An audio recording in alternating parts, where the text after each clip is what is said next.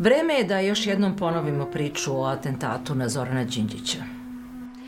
Za razliku od našeg pravosuđa, za razliku od njegove stranke i njegovih ministara, mi je znamo na pamet. Naš posao je da uzaludno ponavljamo očigledne istine. To su istine o raznim užasnim događajima koji nisu smeli da se dogode. Slobodan Milošević nije morao da dođe na vlast. Jugoslavija nije morala da se raspadne u četiri rata. Genocid u Srebrenici je morao da ostane nezamisliv. Beograd je mogao da bude samo grad bitefa i festa. Zoran Đinđić je trebalo da ostane u Nemačkoj, nosi naočare, predaje filozofiju i nervira Habermasa. Mogli smo da budemo normalni ljudi.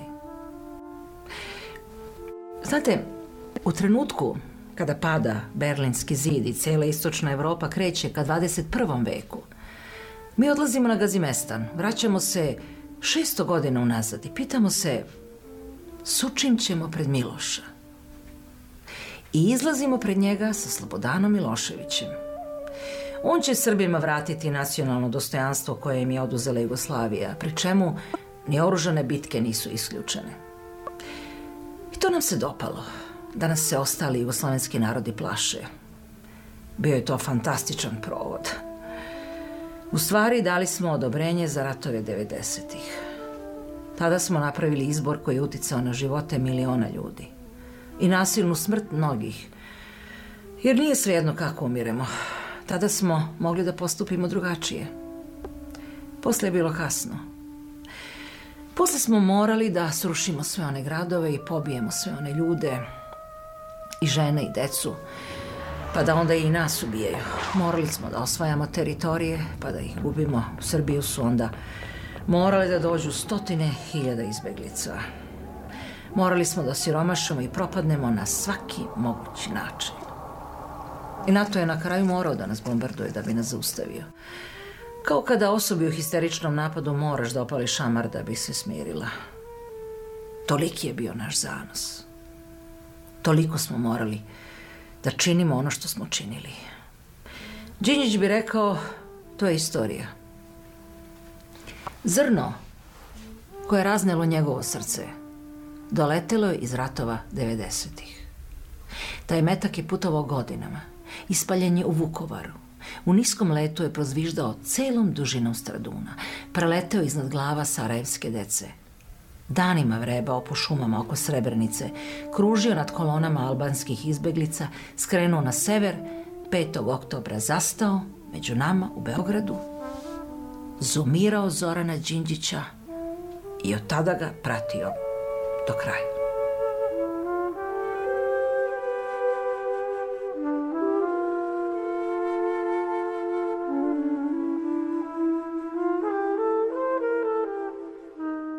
Znači, mi smo imali prvi put jednog čoveka koji se razlikuje od svih drugih političara po tome što se ni u šta nije kleo, što nije stavio ispred sebe ni sliku Dražinu, ni Titovu, ni Staljinovu, ni tate, ni mame, ni rodni kraj nije imao. Mi ne znamo dakle je on i dan danas. Da li je to onako Prokuplje, da Bosna, mi ne znamo dakle je on. Znači, on nije imao ni rodni kraj, date ono naše zemljaštvo. Znači, ništa ga nije određivalo.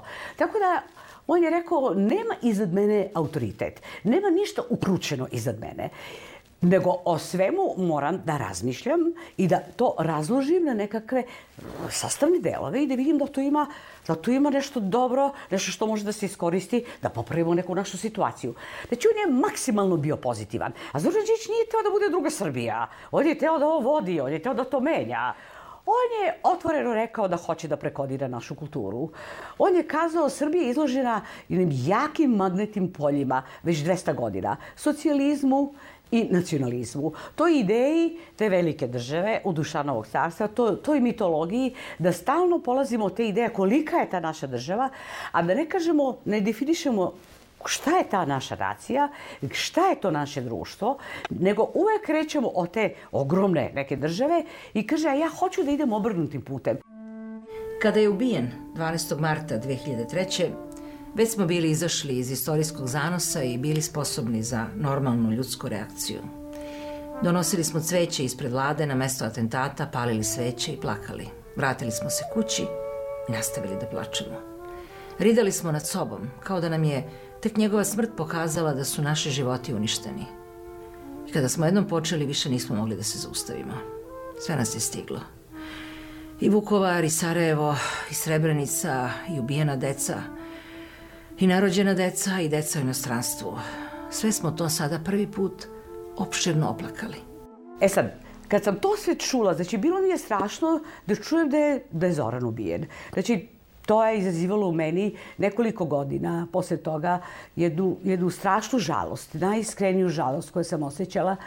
Onda i kad sam odlazila na taj grob, kad, kad dođe 12. mart, vidjela sam da a, postoji jedna, jedna autentična potresenost zbog smrti Zorana Đinđića, koja ne može da se odglumi. Kad god se ode na, na, na to groblje, a, uvek se vidi da neki ljudi sa nekom da ih niko nije naterao da tu dođu, da tu nema nikakve komande, da su oni tu došli, da dolaze čak privatno, da dolaze tu da odstoje, da misle, da spuste neki cvet.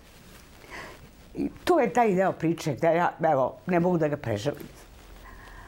A onda da sam mislila i na drugi način, kad se to dogodilo, da smo mi u celoj toj nekoj našoj eto, nesreći koja se događala 90. godina imali zaista sreću da smo u politici imali takvu, takvu ličnost koja je bila zaista tako obrazovana, koja je bila tako dinamična, a, koja se stalno menjala.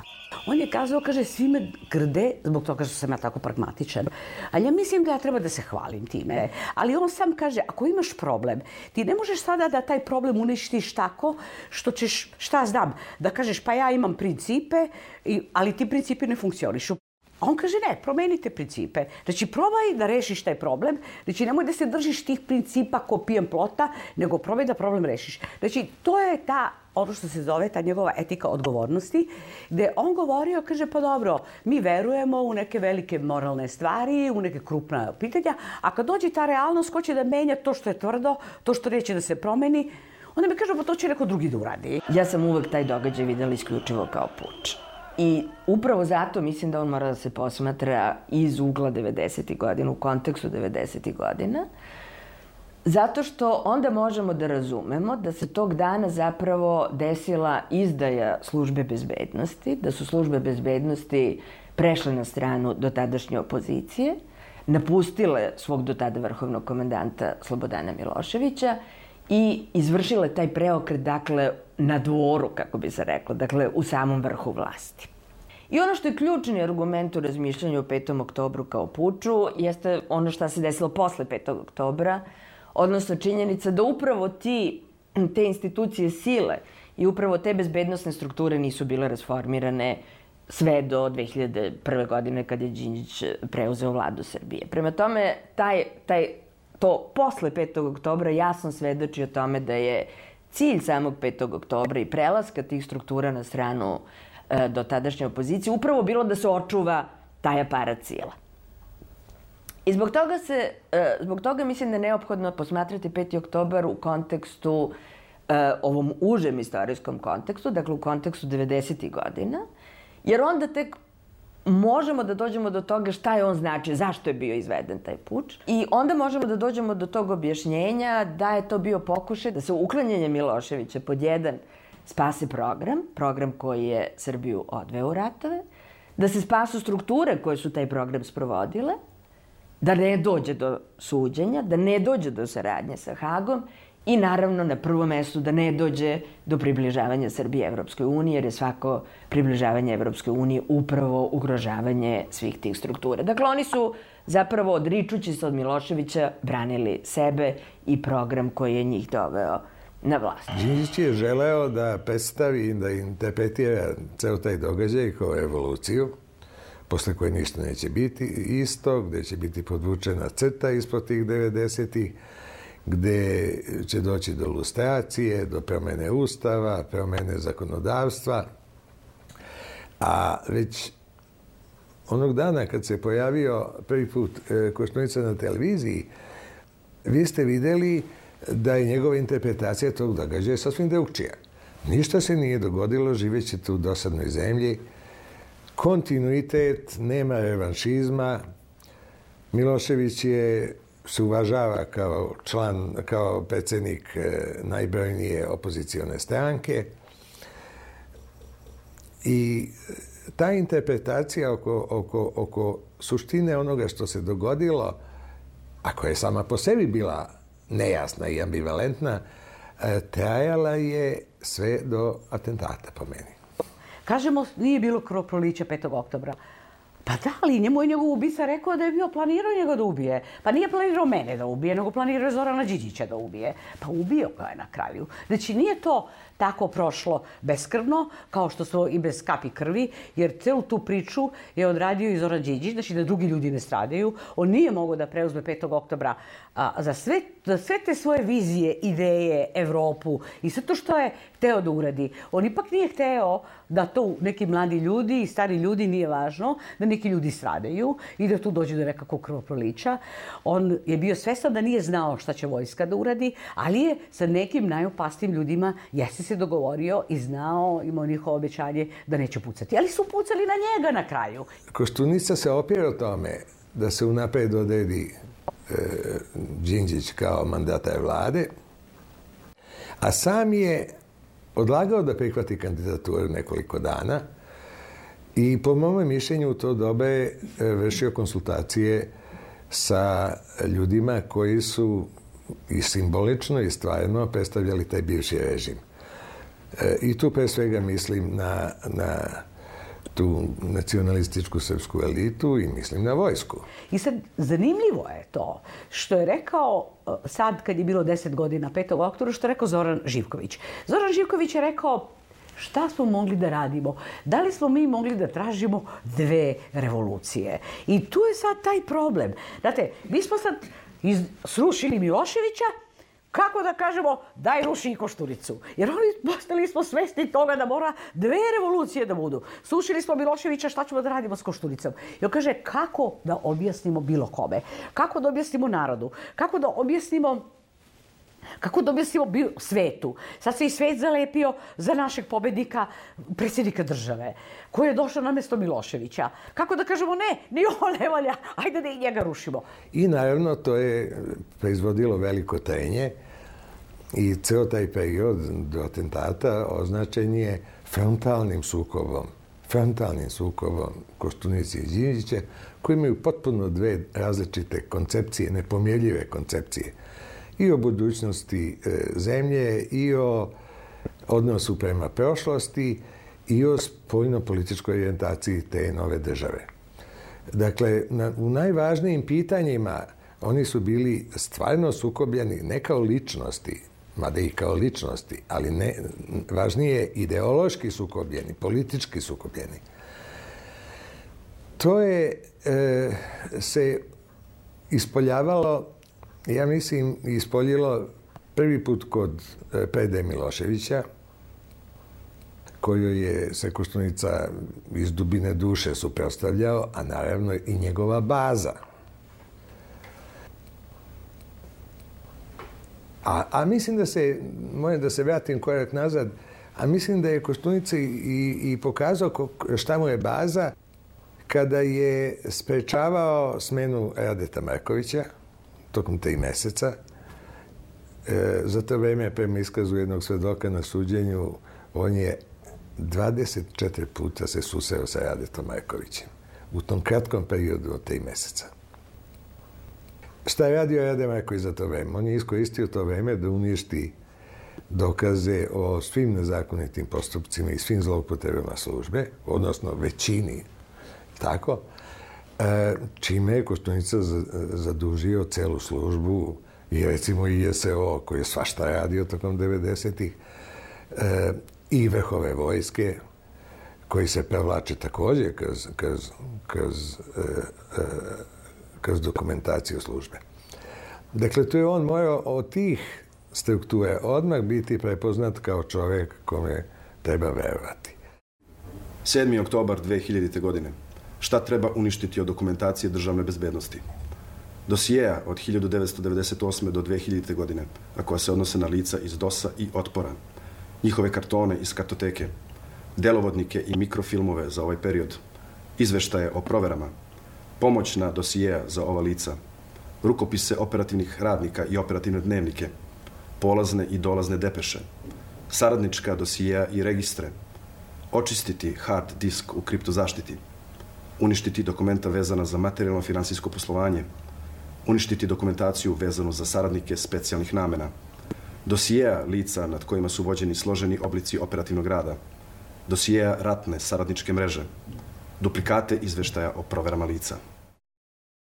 Mi smo tada tražili da krenu smene od načnika uh, bezbednostne službe, odnosno tadašnje državne bezbednosti, Radeta Markovića i Pavkovića. Mi smo glasili više puta jednoglasno, bilo je uvek 17.1, samo je Kuštunica bio protiv. I tada je meni trebalo da postane mnogo jasnije da su razni dogovori napravljeni.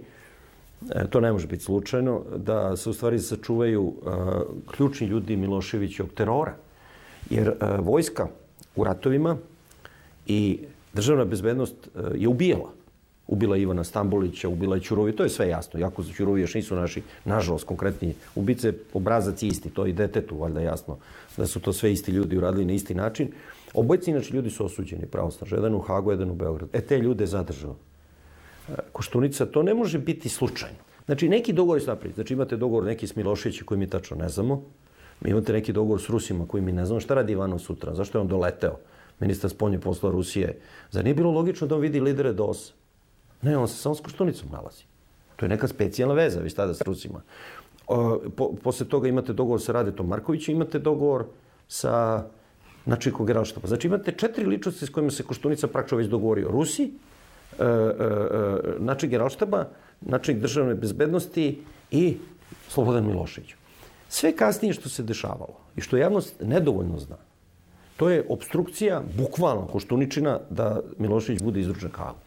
Jedan sved, drugi svedok je svedočio na, na, na sudu da se Nalić, da Gadimir Nalić, čovjek vrlo blizak Koštunici, čovjek visoki funkcioner u to doba Demokratske stranke Srbije, bio doveden u jedinicu za specijalne operacije gde je održao jedan govor, predstavljen je kao budući ministar unutrašnjih poslova, on je bio kandidat DSS-a i koji je to prilikom njima rekao držite se vi Vojislava Koštunice, sa Koštunicom nema Haga. Za vreme hapšenja Slobodana Miloševića ja sam bio jednog trenutka u zgradi državne bezbednosti i ministar policije Dušan Mihajlović i sad jednog trenutka neko zove i kaže e, telefon i daju telefon Goranu Petroviću i Goran Petrović dolazi do Dušana Mihajlovića i kaže mu e, Legija. Kao, šta hoće? A bio je pre toga, na primjer, tu je bio i odatle su otišli oni da uhapse Milošević. I sad Legija, kao, zaključujemo mi na osnovu razgovora i Goran nešto pokazuje, kao, uhapsili ga. Sad ovaj kao, koga bre uhapsili? Pa kao ovo, Siniša Vučinić i ovi, naravno to je sve bilo iscenirano i sve to bila ovaj, predstava za nas, upravo to, samo malo bolja nego ova na Makišu, malo, ovaj, stvarno smo im dali neku naredbu da urade, ali kao kako sad da obstruišu. I sad, šta, šta je objašnjenje?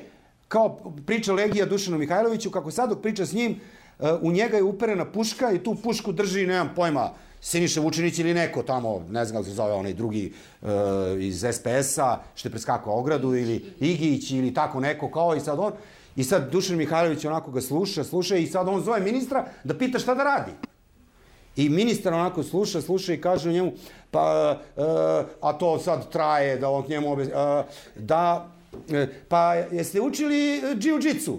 Kao otprilike, Pa ono što mi gledamo tamo na onim, kad skačete iz pa kao kad ti uperi pušku, da li umeš karate, onda mu izbiješ pušku, ne znam šta da ti kažem. Dakle, a to u trenutku kad kažem vam hapšite Milošević, cela država gleda šta će biti, jer je i te noći e, trebao da bude pokušaj tog e, državnog E, udara, da znači ne uspe to hapšenje Slobodana Miloševića, da se vojska, kao što inače jeste Bojović i Ćosić, gardijska brigada i svi ostali prikupe. Jedino što im je falilo i što nisu uspeli, to je što su oni očekivali da će se skupiti 100.000 ljudi i da će doći 100.000 ljudi da brani Slobodana Miloševića. I onda će odatle da krenu na policiju, policija će da se preda, pošto su to sve njihovi, kao isto kao ono 5. oktobra, mi nećemo da bijemo narod. Ko, ko izađe na ulicu, koga je 200.000, mi smo toga policija. Prvi javni sukob nastao je oko izrečenja Miloševića. To je Koštunica nazvao državnim udarom i tu počinje da se taj sukob zaoštava. Izlazi iz DOS-a Koštunica, e, Zoran Đinđić e, izbacuju iz parlamenta onih 40 poslanika DSS-a. Ja mislim da su to bile ekstra legalne mere, što kažu. Ali e, sukob onda eskalira jer počinje da dobija elemente nasilja. Te elemente nasilja vidim u ubistvu Momira Gavrilovića, vidim u priči o bacanju bombe na sedište DSS-a. I tu stvar počinje da se, da se prenosi na jedan teren e, koji je stvarno opasan. Ali 28. juna Koštunica televiziji kaže da smo mi zapravo nelegalna vlada. I tog trenutka svako ko je teo da ruši Đinđića, ko je hteo da nešto uradi, znao je da ima apsolutnu zaštitu Vojislava Koštunice i znao je ceo bivši režim koji je imao sledeće razloge da se boji Haga, oni nisu bili način da će završiti u Hagu, i drugo, bojali su se kriminalnih istraživanja zbog ubistava i pljačke. Bogatstva su stvore. Sad zamislite vi u jednom trenutku praktično dajete podršku svemu tome što u stvari je ubilo Srbiju i što nimalo nameru i dalje da je ubija. Sledećeg meseca izlazi iz vlade Demokratska stranka Srbije, bukvalno napuštaju njeni ministar zdravlja, čuveni Obreni Oksimović koji je samo štetu tamo pravio i neki drugi ljudi i sledeći trutak je pobuna crnih beretki. Pripadnici JSO-a izlaze na autoput sa 24 hamere, dugim cevima i postavljaju određene političke zahteve. Karakteristično je da su to politički zahtevi Demokratske stranke Srbije i Kostunice. Da se smeni Mihajlović, da se smene starešine službe, Petević i Mijatović, i da se donese zakon o saradnji sa Hagom, na kome je insistirao Koštunica, u stvari jedino zato da tu saradnju oteža. I to je ta njegova čuvena izjava da oni izlaze, lekari izlaze u belim mantilima, a JSO izlazi u hamerima. I ničeg tu nema čudnog. I u svojim uniformama i sa svojim drugim cevima.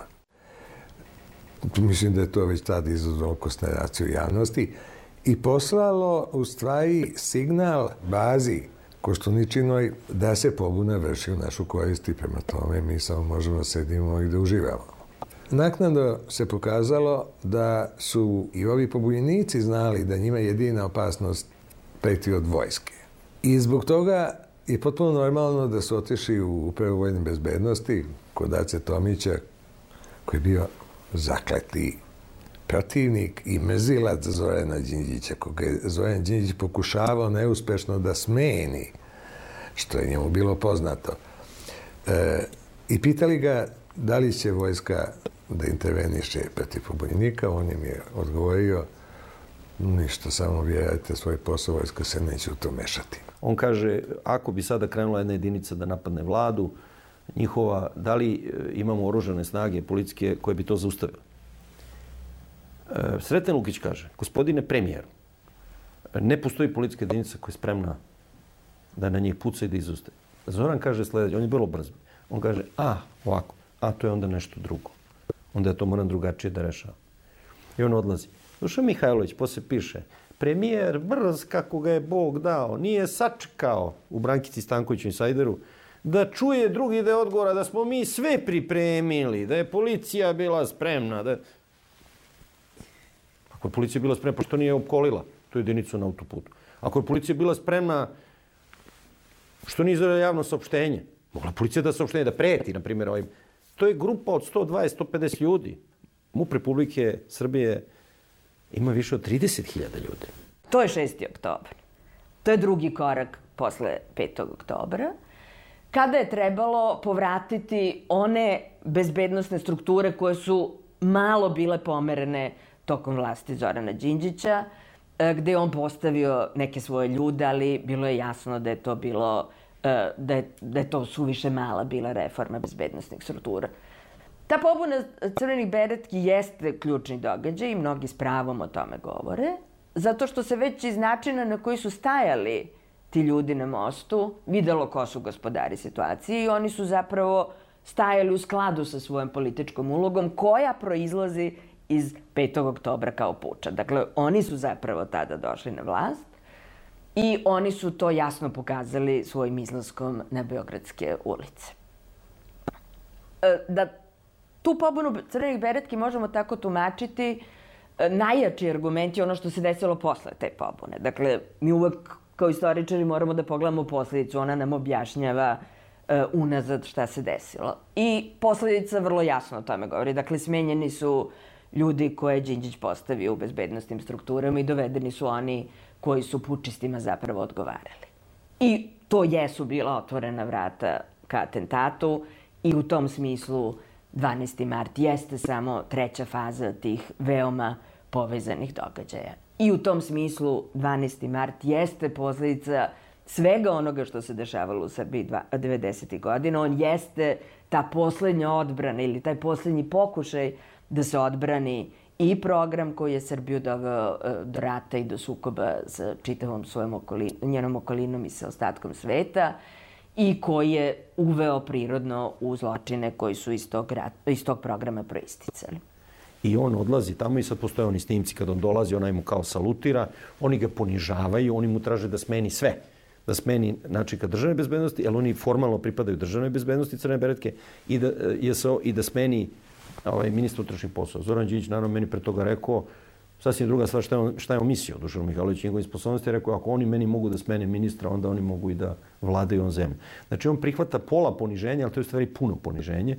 On postavlja na čelo državne bezbednosti Andriju Savića, koji praktično nije vodio službu, ali postavlja Brcanovića, koji nekada vodio deo za prisluškivanje u državnoj bezbednosti, koji u stvari drži tu celu službu podatke svima da bi njih obaveštao. E, taj snimak je stvarno nevjerovatan kad on odlazi tamo, jer ne samo što je potpuni čistac oko njega i što je on sam, nego što se iz njegovog držanja vidi da je on poražen čovek. I hiljadu puta sam gledala taj snimak i uvek sam imala taj isti utisak. Jer samo recimo ako gledate njegove šake, one su čvrsto stegnute u pesnicu i on je pogrbljen. Dakle, to više nije onaj Đinđić koji trče po tri stepenice, e, to je poražen čovek. I on je sam morao biti svestan da je to e, trenutak zapravo njegovog konačnog poraza. I u ta, taj snimak je strašan, e, pogotovo kad imamo u vidu sve ono što se posle desilo i zbog toga što on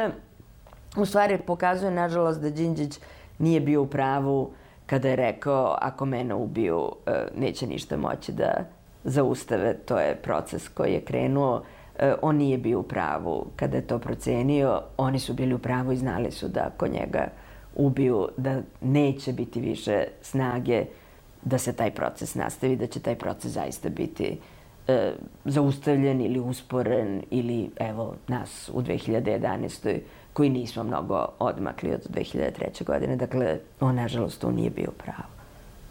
Ja sam pisala Zoranu Đinđiću, ajmo da, evo ja ću da se vratim, ajmo ponovo da napravimo novu opoziciju, ne možemo s Koštunicom, da razbijemo sada taj savez, to je očigledno da ne može, evo to je pretio sa državni udar, imamo pobunu crvenih beretki, idemo u opoziciju, ti napusti tu vlast, evo izgubit ćemo izbore, idemo u opoziciju, ajde da idemo čisto ovde i da kažemo sad drugi deo revolucije, skidanje crvenih beretki, koštunice i cele te sad, da, da, da raščistimo tu situaciju.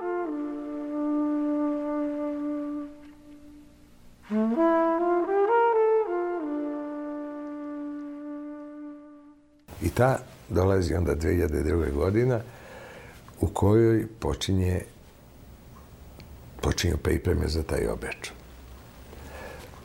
Oni se to u tome što se specijalni sud e, formira, što se formira specijalno tužilaštvo, što se donosi zakon o svedoku saradniku, što se pronalazi Ljubiša Vuha Čume, koji počinje da otkriva e, e, sve šta je, šta je radio i Zemunski klan i, i, i SO i, od, i da otkriva da to je jedna jedinstvena organizacija pre svega.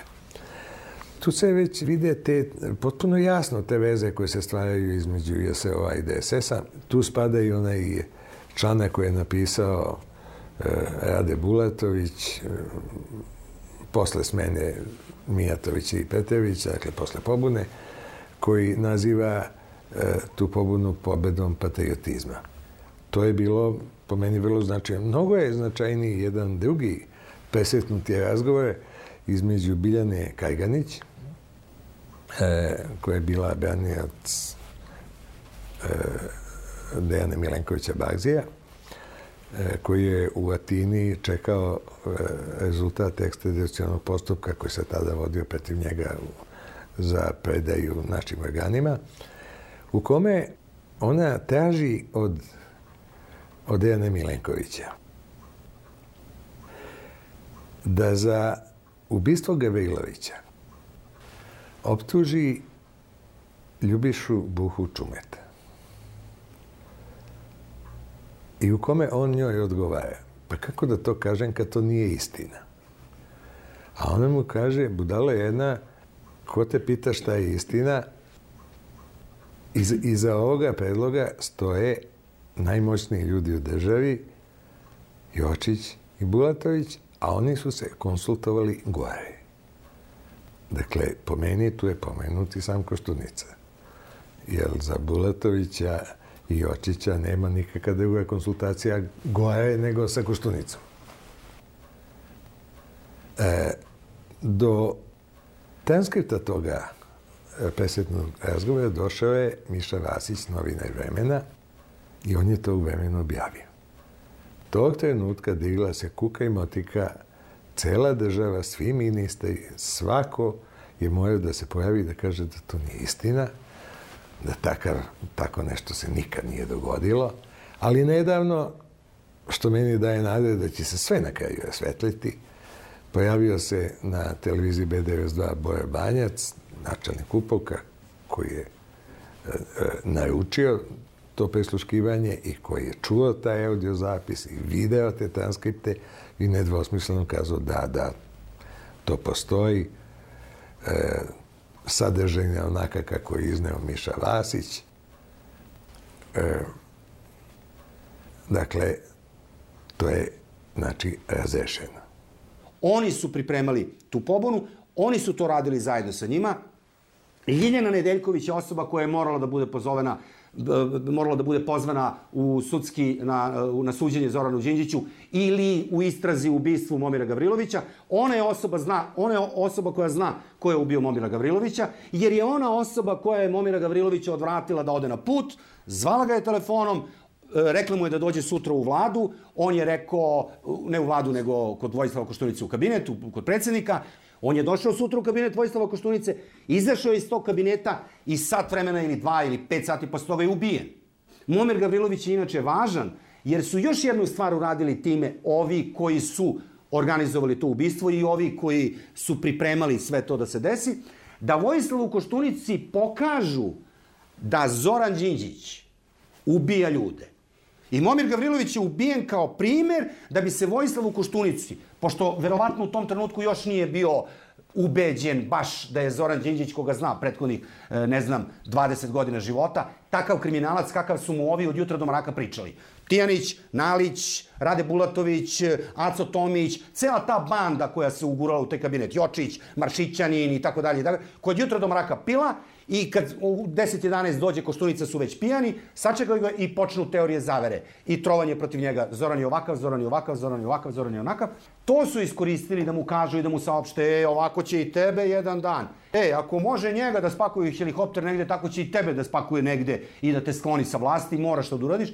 Ne treba da se bude pametan da se zna da je posle ubistva Gavrilovića Aleksandar Tijanić napisao u reporteru koji su opet držali oni. To je list koje je vojna e, služba osnovala i u kojoj su tada u tom trenutku urednici bili postavljeni od strane vojske i novinari koji su posle prešli u kurir i tako dalje.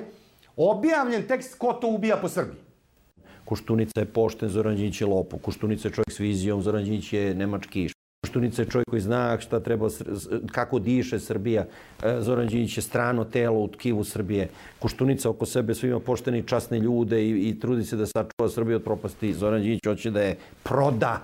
Da vidite koliko je Noje napisalo da je atentat kod Hale Limes organizao sam Đinđić da bi po poljuljanju svoju popularnost sebi vratio. Znači, to je tako cinična optužba. Đinđićevo ubistvo, atentat na Đinđića je e, pogodio bio Srbiju. I to je bilo dosta čudno, obzirom na njegovu manjinsku poziciju.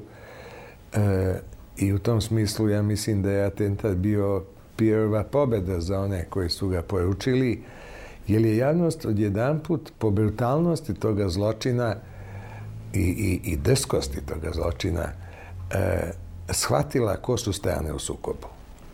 Možda nismo razumeli ko je Đinđić, ali razumemo koga je ubio i ko su ti koji ubijaju. To smo razumeli. Jer priča o političkoj pozadini ne može da bude dok glavni inspirator uh, medijske priče o pripremi ubistva Zorana Đinđića, koja je kostur političke pozadine Zoranovog ubistva, sedi na čelu direktora radiotelevizije kojom upravlja Demokratska stranka i Boris Tadić. Zašto je taj direktor javnog servisa 15 dana pre Zoranovog ubistva napisao u novinama tekst gde pita Zorana Đinđića zašto si pobegao na dedinje, što si se okružio mitraljezima, tenkovi i gorilama, zbog čega ti nije čista savest, od čega se ti to plašiš?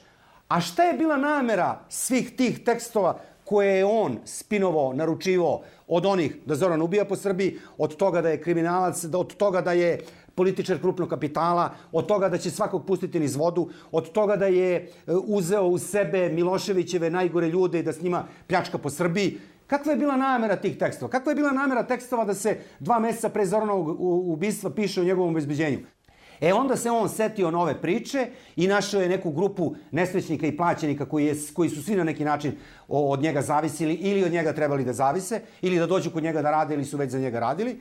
Napravio neki film sramni o medijskoj pozadini ubistva Zorana Đinđića. Film koji je e, sat ili sat i po vremena e, ceo film se bavio sa mnom i time kako sam ja i šta sam ja radio 12. marta kad je Zoran Đinđić ubijen i kako sam ja dao fotografije e, ljudi koji su ubili Zorana Đinđića. Odakle to meni? Kako sam ja to dobio? Naravno da su mi dali ljudi iz policije. Naravno da je tu ceo dan zasedao štab neki kolegijum na kome su bili predstavnici vojske i policije i državnog i političkog vrha, kako se to zove. I naravno da je svima bilo već sve jasno u pet popodne da su oni u tome. Mi smo imali to crno na belo i bilo je pitanje kao šta sad s tim da radimo? Pa kao, otprilike, nemamo još video kasetu pucnja. I onda si mi rekao, jeste vi normalni bre? Pa to ću ja da objavljam, dajte vi to meni, je to u redu? Jest. A imao sam i ja sam čuo, kao što su i oni čuli, da su nam nekoliko svedoka došli i potvrdilo da su videli u zgradi vlade Krasmanovića, da je viđen Simović, da je viđen, ne znam, ovaj u kolima, da je ovaj video... Nemo mi tu šta da mislimo. A to je bila ključna stvar da taj puč ne uspe. Jer oni su imali potpuno u svojim glavama zacrtano šta će se desiti. Panika će nastati u vladi kao što je nastala, ubiće još nekoga od nas, pojavit će se Bagzi kao svedok koji će da kaže pa Zorana je ubio, ne znam, Čume ili Beba ili Cane ili e, Dragoljubi Surčina ili zašto, cigare, drog. Svima bi sve bilo jasno, to su tri godine građani slušali, verujem i vama. E, mnogim ljudima bi to bilo sve potpuno logično, rekli bi, ja, stvarno strašno, kakvi smo mi nesrećan narod, eto neki se čovjek pojavio koji je kao širio neki optimizam, bio obrazovan, bio dobar, bio ovo, ono, vidi kakav kriminal i tako dalje. Legija bi verovatno bio na čelu vojske ili uspeo, ili komandant jedinice, ili bi bio, ne znam šta, penzionisani danas narodni heroj i tako dalje i tako dalje. Duće bi se izvuko. Svi ti zločini koji su oni radili. Stambolić, sve bi to bilo nama prebačeno. Dakle, predvodnik, znači lider, vođa, čovek koji je to smišljao, je savjetnik Vojislava Košturice za medije, danas direktor javnog servisa i bez toga i bez te priče naravno da nema otkrivanja političke pozdine. I naravno da onda svaki put kad dođe 12. mart on i grupa oko njega imaju problem jer znaju da ako ništa drugo 6 miliona građana Srbije će se setiti da je izjavio ako Zoran Đinđić preživi, Srbija neće. Javno se šokiralo kad je ubijen. A 3-4 atent, pokušaja atentata pre, pre toga, javnost uopšte čak i demokratska javnost. Pa dobro, to Đinđić nešto priča, on date, on je lažo, on je lopov, on je nemački špijun, on je sumnjiva ličnost. Ko zna šta je? Znači, tu takvu krivicu ima naša sad demokratska javnost, koja nije ustala, koja je, možda bi neko čuo to. Znači, možda bi to neko čuo. Jer, u trenutku atentata, kad se objavljujemo mi sliku na toj poternici, ljudi koji su to najverovatnije uradili. Mi nismo bili 100% sigurni što oni uradili. Ali to je najbolja stvar koju smo uradili. Oni su u šoku. Prvo što spaljuju njihove slike i drugo, što oni nemaju više podršku građana. I to je cela tajna. Neko je računao da će oni imati podršku građana. To je bio državni udar koji je propao tada, tog dana. Zato što nije bilo podrške građana da se skupi 100.000 ljudi pred vladu i kažu tako je, bravo, ubijen je onaj koji izručio Slobodana Milošević koji pljačka i uništava Srbiju. Oni su taj državni udar odložili godinu dana. Čim je počeo taj postupak, iz redova DSS-a počele su kritike i zamerke. Od te priče da Jočićeve da treba e, pravosnažnu optužnicu ukinuti u stvari i vratiti sve u stadijum istrage, pa izjave načelnika javnog resora da je optužnica na staklenim nogama, pa izjave Nalića da je to montiran proces, da su ga montirali upravo oni koji su i ubili. Dakle, oni se bukvalno stavljaju tu na stranu optuženih. Kada je predat u Lemegi, oni se utrkuju da objasne javnosti da to što će reći Ulemek, to će biti cela istina. A onda kad se Ulemek konačno pojavi na suđenju i dati svoj prvi iskaz, vi vidite šta je ta istina. Ta istina je njegova izmišljotina, koja se pokazala tokom postupka kao izmišljotina, da je on zajedno sa Čedom Jovanovićem švecao 600 kg heroina, tako što su njegovi pripadnici njegove jedinice u eonilačkim modelima to plovili Dunavom. Neka njegova tipična bajka. Ali ona se izriče u trenutku predsjedničke kampanje. I predsjednička kampanja DSS-a onda triumfalno nastavlja tu priču eto dokaza da su oni mafijaši. I, i Čeda i cela vlada. E, dakle, ne krije se uopšte više e, da oni žele da osujete taj postupak. Dakle, imate sa strane DSS-a prvo onaj poziv o kome sam govorio Nalićev držite se vi kostunice, nema Haga, jel? Pa onda imate to njihovo učešće u oružanoj pobuni, pa onda imate demonizaciju Đinđića sve do atentata preko lažnih pisama i Ljiljane Buke o tome da je on mafijaš. I na kraju, kada počne postupak, imate obstrukciju postupka. Koja u onom trenutku kad DSS konačno dođe na vlast, postaje stvarno drastična. Jer onda Marko Kljajević, koga je za predsednika, predsedavajućeg veća specijalnog suda koji sudi atentatorima dovela Živkovića vlada, izlazi iz suđenja sa objašnjenjem da se na njega vrši neviđeni pritisak. Tužioca Radovanovića, koji vodi postupak, koji u, u sudnici vodi postupak, hapse sa objašnjenjem da je on odao državnu tajnu svojoj sobstvenoj ženi. Ili je kazao da je neki sudija Vrhovnog suda e, na merama zbog sumnje u korupciju, što se posle pokazalo i tačno. Majaš, drugi zamenik, po mom mišljenju videvši šta se događa, izlazi sam. Mediji su puni priča o trećem metku, o ledenom metku. Ubili su ga Albanci, ubili su ga Hrvati, ubili su ga strane obaveštejne službe. Spasojević i, i, i Luković, onaj kum, su likvidirani u Meljaku da ne bi otkrili ko stoji iza, iza atentata. Ali imate razne druge stvari koje su se u tom sudskom procesu desile, tipa svedok, jedan od ključnih svedoka iz JSO-a koji je formacijski bio zadužen za pušku iz koje je ubijen Zoran Đinđić i koja je bila u JSO-u, e, i zna se po dokumentaciji da je bila u JSO-u, a koja je na kraju nađena, našli, otkopali su je članovi zemunskog klana koji su rekli da je s njom ubijen Zoran Đinđić i utvrđeno i tako dalje. I taj čovek je bio na spisku svedoka i on je bio vrlo važan zato što su oni, Legija je sve vreme pokušavao da dokaže da to nije ta puška, da je SO ima više puški, pa su onda e, Vrzić i Ikonić e, ne samo jednu, nego više nastavnih strana Nina objavili, postoji druga puška, pa e, tekst na pet strana sa tehničkim detaljima, kako oni zaključuju, zašto, jer je ova bila zagrebana već šta oni rade i način na koji rade e, novinari službe, što ta dvojica svakako jesu. Oni su u to vreme, mislim, Nikonić i Vrzića, direktno radili i pisali po nalogu Radeta Bulatovića. I dakle, e, vraćam se na, ove, na ovoga svedoka, e, na, ne, ne, da, on je pozvan kao svedok, taj čovek iz jedinice za specijalne operacije i on je trebao da dođe na suđenje i bilo je vrlo važno da on objasni i kaže kao osoba koja je bila zadužena za držanje te puške, do kad je tu pušku imao, kad je ta puška nestala, kad je izneta, zato što su pokušajem tih manipulacija i laganjem koje je naravno Ikonić, Vrzić i advokati medijski saopštavali, sluđivani građani Srbije. Tipa, jeste Zoran ubijen iz te puške, ali ova puška koju ste iskopali, ona nije bila, ona je iz jedinice otišle tada, a nije tada i sad vi ništa vam više posle nije jasno.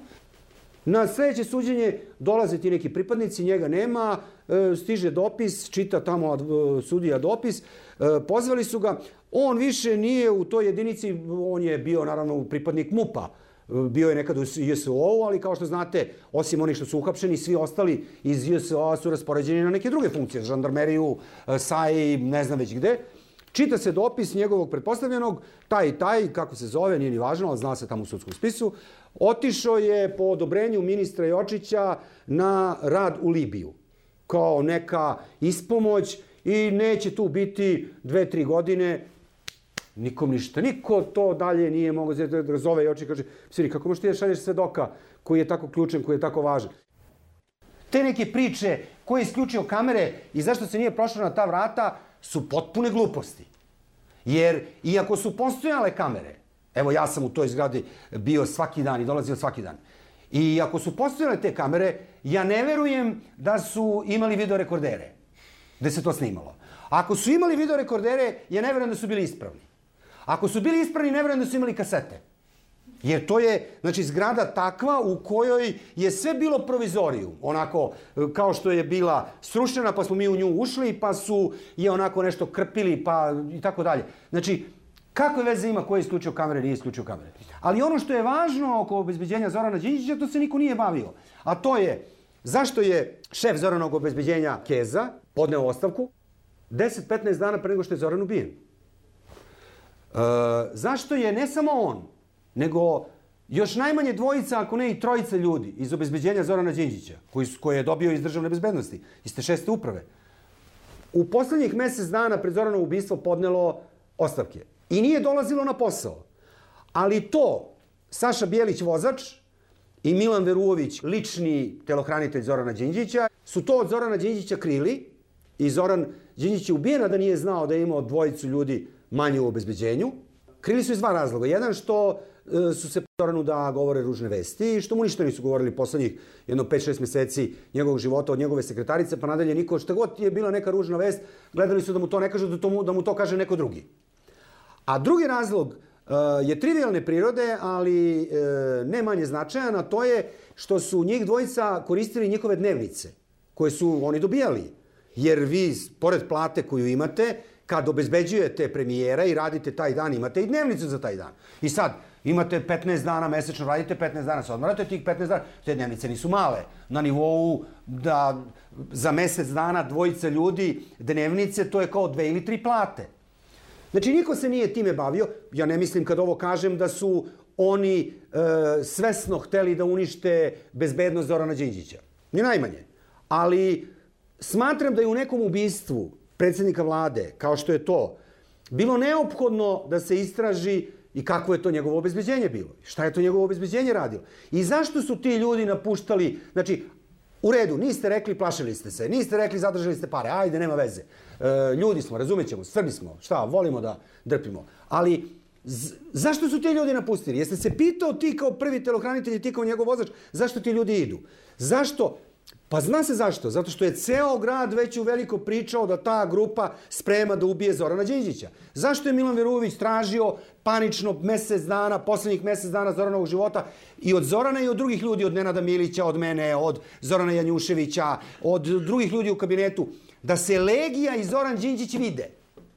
Navodno, ima on neku priču, on će nešto da kaže, on će nešto da važno kaže Zoran. Zašto su svi bili beli kao kreč dok su radili Zoran? Prirodno je da se plašiš kad obezbeđuješ čoveka za koga znaš da će biti ubijen.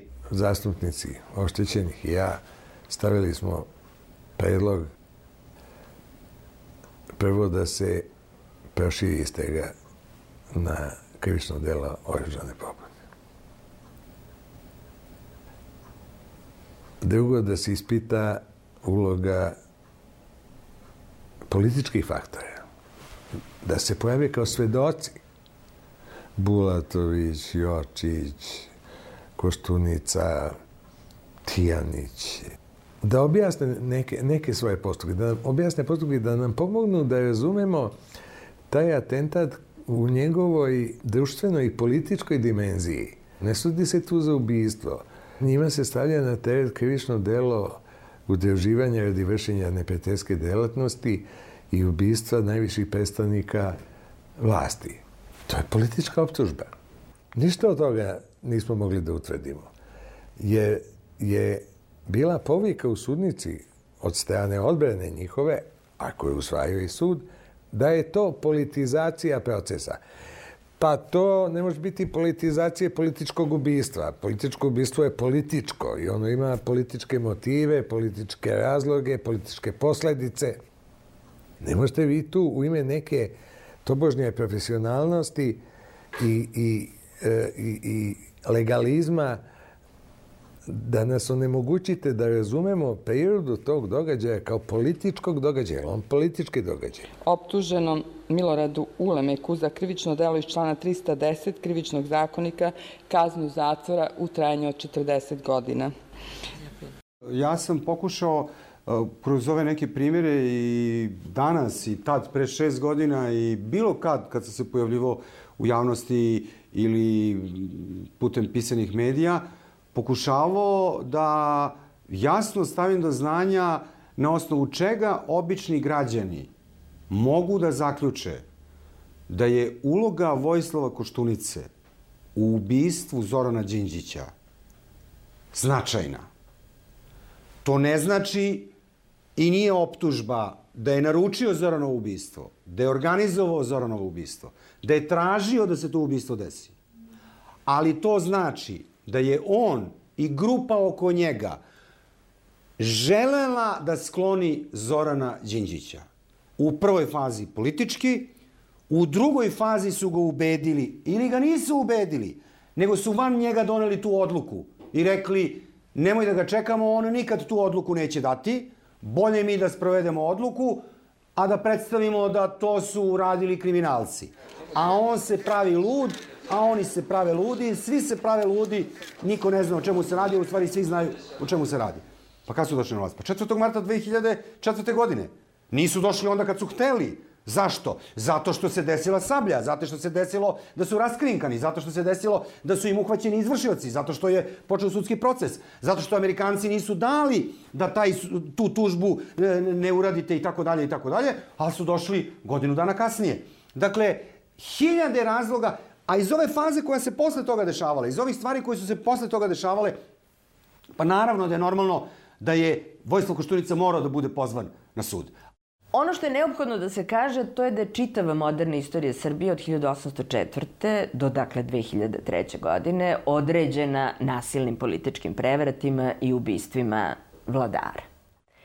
Izuzev kneza Miloša i Josipa Broza Tita, svi drugi vladari u Srbiji bili su ili nasilno sklonjeni sa vlasti ili ubijeni. Od Karadžorđa do Zorana Đinđića. Ako je to tako, ako ste vi partijska država i ako institucije ne funkcionišu, onda je jasno da je taj politički protivnik, da je taj politički drugi uvek samo neprijatelj.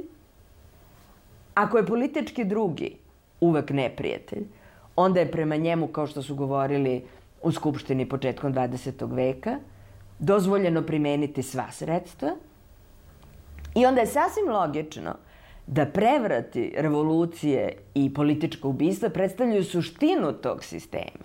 Dakle, ne radi se o iskliznućima, što bismo mi mogli da zaključimo ako bismo 5. oktobar ili pobunu Beretki ili 12. mart gledali izolovano. Ali ako ih gledamo u ovom užem ili u širem kontekstu, onda, onda je razumevanje mora biti mnogo dublje i onda vidimo da to nisu iskliznuća, već da su naprotiv oni taj sistem i da oni sistematski proizlaze iz jedne situacije u kojoj prevladava predmoderna politička kultura koja u političkom protivniku ne vidi saradnika na ostvarenju programa opšteg dobra, već političkog neprijatelja prema kome je legitimno upotrebiti sva sredstva, uključujući i političko ubistvo. On nam fali i stalno nam fali Zoran. Fali nam, ako nije on, neko drugi. Stalno nam taj motor fali, koji će stalno da nas gura u tu dinamiku. Jer sve što je on bio, to je bila jedna čista dinamika. Ako ne možemo baš čistom dinamikom, i ako možda ne, neki put treba malo i da zastanemo, možda i da razmislimo, ali bez nje očigledno ne možemo. To spavanje, to hrkanje, to što stalno čujemo kako tu bi neko zahrkao i ne bi se pojavljivao, pa u depresiju i to je njega užasno nervirao, taj naš srpski nihilizam, pa ne možemo sad bi malo da spavamo, ajmo malo u kafanu, ajmo malo pevačice, ajmo malo ovo, ono.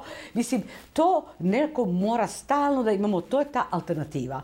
I ne mora da bude na vlasti. Ta mora da postoji i da, da stalno neko budi i ona Trnova ružica, koja je bila jedna od najlepših izreka Zorana Đinđića, kaže, vi biste da spavate, pa kaže, spavali ste, pa naredi sto godina biste da spavate. Pa onda Trnova ružica, pa da dođe princ da vas poljubi, pa da vas probudi posle sto godina. Mi nemamo vremena za novih sto godina. Ako vi mislite da vi možete sa jednom potpuno upropašćenom zemljom za godinu dana da dođete u situaciju da dođete u banku da uzmete kredit po normalnim uslovima, ja se bojim da ste vi promašili zemlju. Otiđite u Švajcarsku pa ćete dobiti kredit takav kakav hoćete. Ali to je, švajcarski narod 500 godina se borio za to i nije bilo moguće da mu se desi ovo što se, što se nama desilo. On je nas prosto pročitao. Svi bismo mi voleli malo da zadrevamo. I ja sebe hvatam u tome, ej bre, ajde nemoj da ustaneš ujutro, ajde spavaj do, do podne, ajde ponovo probaj da utoneš u te neki san, ajde, e, a on to nije dao. Kada je došao na vlast 2000. godine, Srbija je bila jedna zapuštena ledina gde su živeli neki ljudi u slivovima tihe reka, Save, Dunava i Mojave, kako bi se to valda opisalo, ali da to u jednom smislu nije bila nacija. Jer nacija podrazumeva jednu političku zajednicu. Nacija je politička zajednica, za razliku od naroda, koji je jedna biološka kategorija, tako reći. Jel? E, a nije bila nacija jer ona nije imala nikakav državni koncept.